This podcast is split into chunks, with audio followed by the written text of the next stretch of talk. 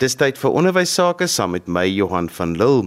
Vandag gesels ek met Marita Nel. Sy's 'n ou hand as dit kom by boeke uitgee en tekste vir skole. Ons gaan vandag spesifiek praat oor begripstoetse, visuele tekste, luistertekste en opsommings en natuurlik ook 'n kritiese taalbewustheid. Marita, kom ons begin by hierdie dinge want almal is natuurlik bekommerd oor lees in skole. So jy moes natuurlik ook nou 'n bietjie daarna gaan kyk het toe jy begin werk het op hierdie reeks. Ja, Johan, dit is om te lees met begrip is natuurlik jou heel belangrikste vaardigheid en as ons kyk na ons spul uitslae waar 81% van ons 10-jariges nie kan lees met begrip nie, besef ons hoe ontsettend belangrik is dit. Ek het wel ook gekyk ons ons nou op laerskool en hoërskool vlak gewerk, maar uh, op hoërskool vlak het ons baie spesifiek ook gaan kyk na presies hoe die ehm um, nuwe vraestel daar uitsien. So dit is stel vir huistaal en eerste addisionele taal en matriektaal ehm uh, leesbegrip 30 uh, punte. So verskeidenheid tekste kan gebruik word, maar die nuutste tendens is om teks A gewone teks van 21 tot 26 punte te maak in teks B dan 'n visuele teks. Uh 4 tot 9 punte vir eerste addisionele taal en 6 punte of meer vir huistaal. So vir huistaal moet die twee tekste bymekaar pas en word daar dikwels nou vrae gevra wat oor beide tekste handel. Maar vir eerste addisionele taal hoef die twee nie uh, met mekaar verband te hou nie en mag die vrae wel uh, hoef hulle nie oor beide tekste te handel nie. Uh, vir huistaal moet leerders ook die impak van tegnieke soos die gebruik van lettertyping, grootte, opskrifte en byskrifte ensovoorts kan identifiseer en verduidelik. Marita, kom ons praat oor begripstoetse, hoërskool en laerskool. Het begripstoetse nog 'n plek in onderwys? Nee, absoluut. Dit is wat my betref is dit die vertrekpunt van alles, jy weet. En om daai eh, die begripstoetsvaardighede te slyp, is seker die belangrikste ding wat die Afrikaans onderwyser in die klas kan doen. Jy weet in plaas van om net elke slag vir leerders begripstoets te gee, dat 'n mens vir hulle vaardighede aanleer dat jy vir hulle weer daar's 'n pre-lees, 'n tydingslees, pouslees aktiwiteite dat jy presies dan vir vir hulle kan sê hoe benader 'n mens 'n begripstoets. Ek dink as mens dit in die laerskool aanleer en graad 8 en 9 in die hoërskool, dan gaan jy regtig slyp aan aan die leerders se leesbegripvaardighede. Nou, dit is ontsettend belangrik om die leerders se voorafkennis oor die onderwerp tydens hierdie fase te aktiveer. Jy weet, uh jy kan vra vra uh, na aanleiding van prente of foto fotos, maar en ook die interaksie met leerders hier om uit te vind maar wat presies weet hulle uh omtrent hierdie onderwerp. En tydens hierdie fase kan moeilike woorde ook verduidelik word. Nou jou tweede fase tydens die lees, ehm um, die leerders dis belangrik dat hulle vir hulle self woorde merk wat hulle nie ken nie en gebruik maak van woordaanpakvaardighede.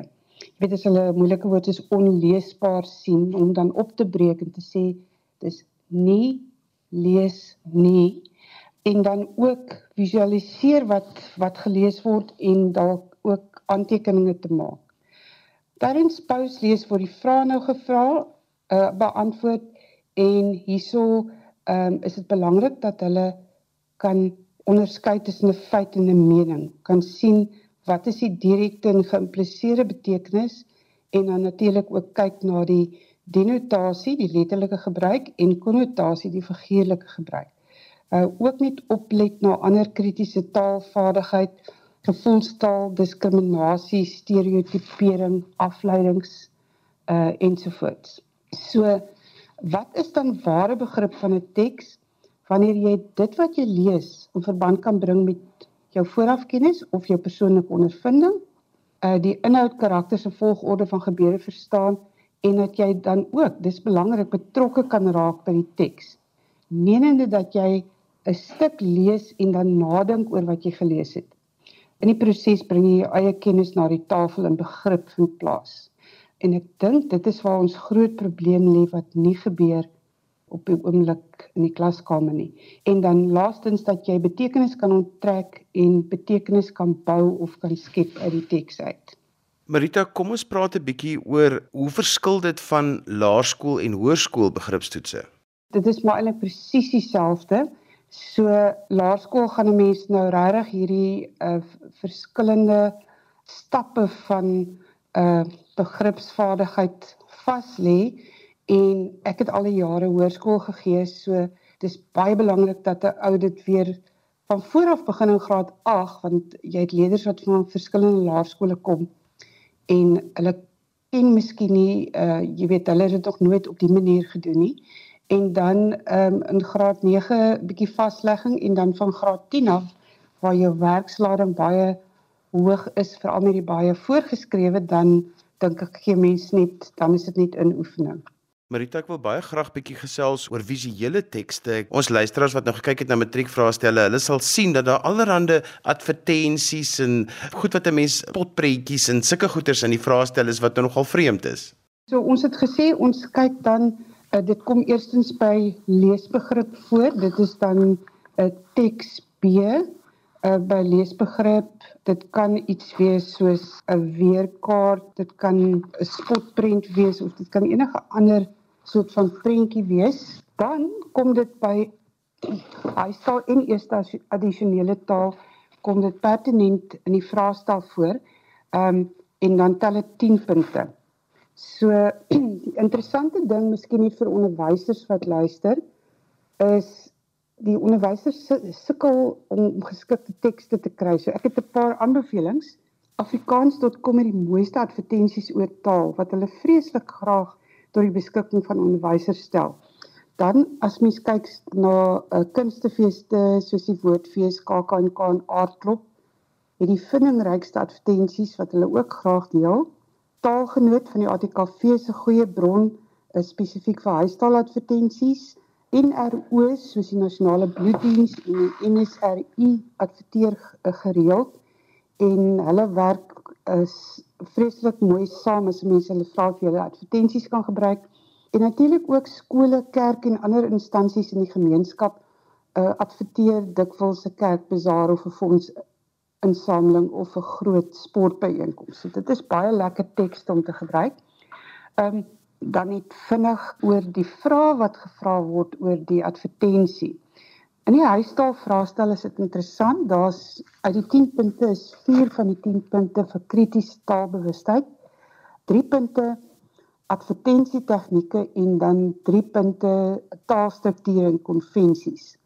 Maar as jy dan kyk na die EAT vraestel, dan gaan 7 punte word toegeken vir taalstrukture en konvensies.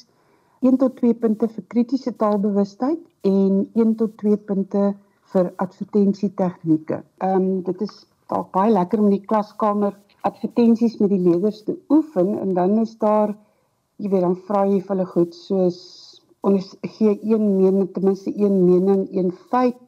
Is daar voorbeelde van geïmpliseerde betekenis? Is daar inligting wat doelbewus weggelaat of ingevoeg is?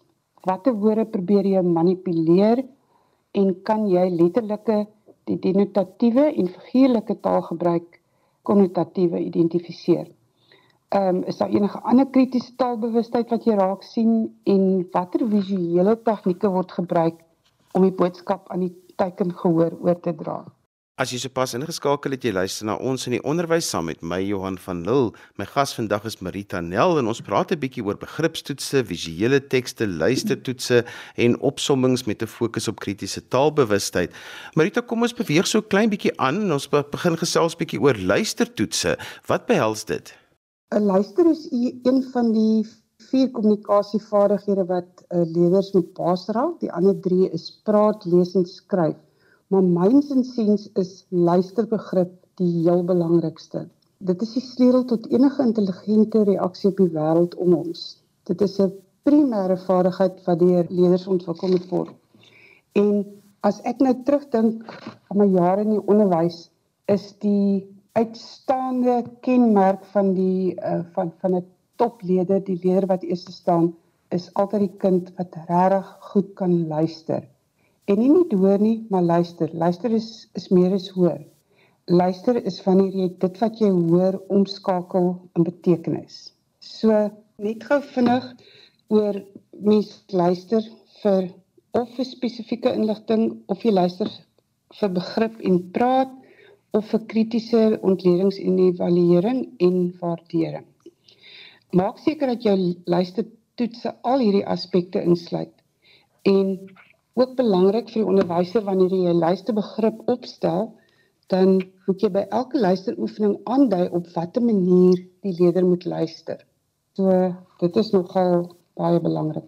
'n Luister tel 10 punte vir huistaal en vir eerste addisionele taal. Ehm um, die onderwyser kan natuurlik self 'n teks voor, voorlees, maar ek sal aanbeveel dat jy gebruik maak van ander stemme, dat jy gebruik maak van liedjies. In ons reeks boeke het ons 'n QR-kode voorin, so die onderwyser kan sy selfoon op die QR-kode hou en jy kan dan luister na 'n skrywer of wat wat wat die teks lees. Dit is eintlik dit is nogal belangrik vir uh, leerders om ook gereeld 'n ander stem in die klaskamer te hoor. Uh, jy kan die soort van 'n uh, uh, tekste wat jy kan gebruik is baie baie onderwysers gebruik deesdae audiovisuele tekste, films, televisieprogramme, dokumentêre opnames. Jy kan ook 'n stuk uit 'n woordeboek uh, kan jy voorlees, uh multimedia tekste ja, so tydskrifartikels, uh, koerante en spotprente. Dit is dan die luistertoets. Marita, jy het net nou verwys na die verskillende tipes luister. Kan jy net vir so 'n klein bietjie uitbrei daarop en dit dan van toepassing maak op een of ander teks? Daar is hoofsaaklik die vier soorte luister vir spesifieke inligting. So dit gaan dan inligtingsteks wees wat jy kyk mens laat laat die leerders gewoonlik twee keer na 'n teks luister voordat hulle die tweede keer daarna luister, gee jy vir hulle die vraag. So hulle luister dan nou spesifiek net om om die antwoord aan te soek op die vraag. Die tweede soort teks is uh mens luister vir begrip en vir praat. Met ander woorde, jy gaan laat leerders hulle hulle mening oor iets gee. So dit is nie uh, spesifieke feite waar waarvoor hulle moet luister nie, maar om hulle mening te gee oor iets uh, of of dan wat is die mening van die persoon in die luisterteks dan die derde een is dan kritiese ontleding en evaluering waar hulle um krities moet nadink um oor die teks wat jy vir hulle gegee het en jy dan vir hulle vra kan vra byvoorbeeld oor 'n uh, stereotipering, vooroordeel, geïmpliseerde betekenis en dan Die vierde soort van 'n uh, teks is mens luister vir waardering. Het jy dit geniet? Sê bietjie hoe voel jy oor? Uh, dit kan nou wel, dit sou kuns kon wees, dit sou musiek kon wees of 'n goeie stukkie letterkunde net, maar jy dit is 'n 'n vlak 4 en 5 Barrett's kriterium wat jy gebruik waar die leerder dan spesifiek luister vir waardering. Marita, kom ons gesels bietjie oor opsommings. Ek onthou dit daarom nog uit my matriek daar ook uit. Die opsomming tel dan ook 10 punte vir huistaal en eerste addisionele taal. Ek praat nou van graad uh, graad 12. Die lengte van die teks wat opgesom word word vir jou gegee. Byvoorbeeld in graad 10 eerste addisionele taal is moet dit 200 woorde wees en dan strek dit sover as 350 woorde wat 'n graad 12 huistaal leerder moet lees. Die lengte van die opsomming moet eerste addisionele taal 60 tot 70 woorde wees en vir huistaal 80 uh, tot 90 woorde. So 'n wenk vir die onderwyser wat nasien riglyne vir die opsomming opstel en dit is iets wat ek nou die afgelope tyd geleer het vir die eerste keer. Ek wens ek het dit geweet toe ek onderwyser was. uh, Trek twee kolomme. So In die eerste kolom skryf jy die woordgebruik presies soos dit in die teks voorkom. Jy weet daai sinnetjie of twee waar uit die antwoord kom. En aan die regterkant jou eie woorde. Uh want die leerder moet dit in sy eie woorde oorskryf. Nou eie woorde beteken nie regtig dat jy die woorde moet verander nie, maar jy kan net die volgorde van die woorde ook verander, dan is dit al klaar in eie woorde. Nou kan jy onderaan uh die tabel die antwoord in die regte formaat skryf of dit nou in paragraafvorm of uh puntgewys moet wees. Net wel interessant as 'n mens kyk na die uh net so 'n paar goedjies vir die onderwyser wat die aanbieding betref. Ons mag nie vra dat die eerste addisionele taalkandidate opsomming in puntvorm aanbied. So huistaalkandidate doen dit eers aanvanklik in puntvorm en dan later in paragraafvorm. En ook belangrik, ons moenie ons mag nie van die kandidate verwag om 'n opskrif vir die opsomming te gee nie. Wat die inhoud betref van die opsomming, die opsomming mag nie uit die leesbegrip uitkom. Die leesbegrip wat jy nou in afdeling A gehad het, kan jy nie uh, die opsomming oorvra nie. Uh kies 'n interessante onderwerp wat uit die leerders se ervaringswêreld kom. En 'n interessante ding vir my Johan is dat 'n persoon 90% van alle woorde as jy 90% van alle woorde in 'n leesstuk verstaan, dan uh kan jy eintlik die oorige 10% aflei. Dit is vir my baie interessant geweest toe ek dit lees. 'n Laaste ding is skryf die teks op so 'n manier dat die kandidaat die hoofgedagtes duidelik van die ondersteunende sinne kan onderskei. Net 'n vinnig 'n uh, opmerkingkie oor die instruksies wat die onderwyser vir die leerder gee. Mens moet baie duidelik sê wat opgesom moet word. Dit mag nie bloot jy mag nie bloot net sê som die volgende teks op nie. En ek ek het dit al gesê, pas op vir die bewoording in jou eie woorde. 'n Kandidaat mag die teks se woorde gebruik, maar moet kan dit net op 'n ander manier rangskik. Marita, jy het nou 'n reeks boeke geskryf wat hierdie vir die onderwysers makliker maak. Gee dit vir ons so 'n klein bietjie inligting daaroor en ook waar mense dit dan in die hande kan kry. Johan, die reeks se naam is Vrae en Antwoorde. So die eerste boek is 'n uh, eh, vir graad uh, eh, 4 tot 7. Ehm um, die tweede boek is graad uh, 7 tot 9 en daar's 'n spesifieke rede hoekom ons die uh, uh, graad 7 herhaal want baie keer soek die laerskoolonderwyser uh gaan soek hulle nie vir 'n boek onder graad 7 tot 9 nie. En dan die derdens, en dis die boek boek wat ek hierdie week verwag, hy's op die oomblik wat gedruk is vir graad uh, 10 tot 12. Soos ek sê die boek is vrae en antwoorde.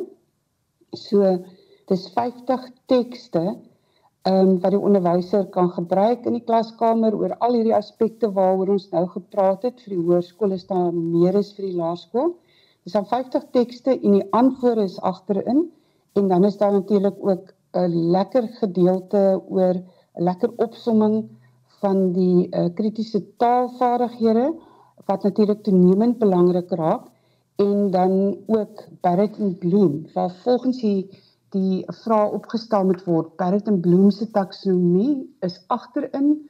Uh Barrett word natuurlik gebruik vir die ehm uh, vir departement van basiese onderrig en Bloom word gebruik vir ehm um, vir die IB vir die privaat skole.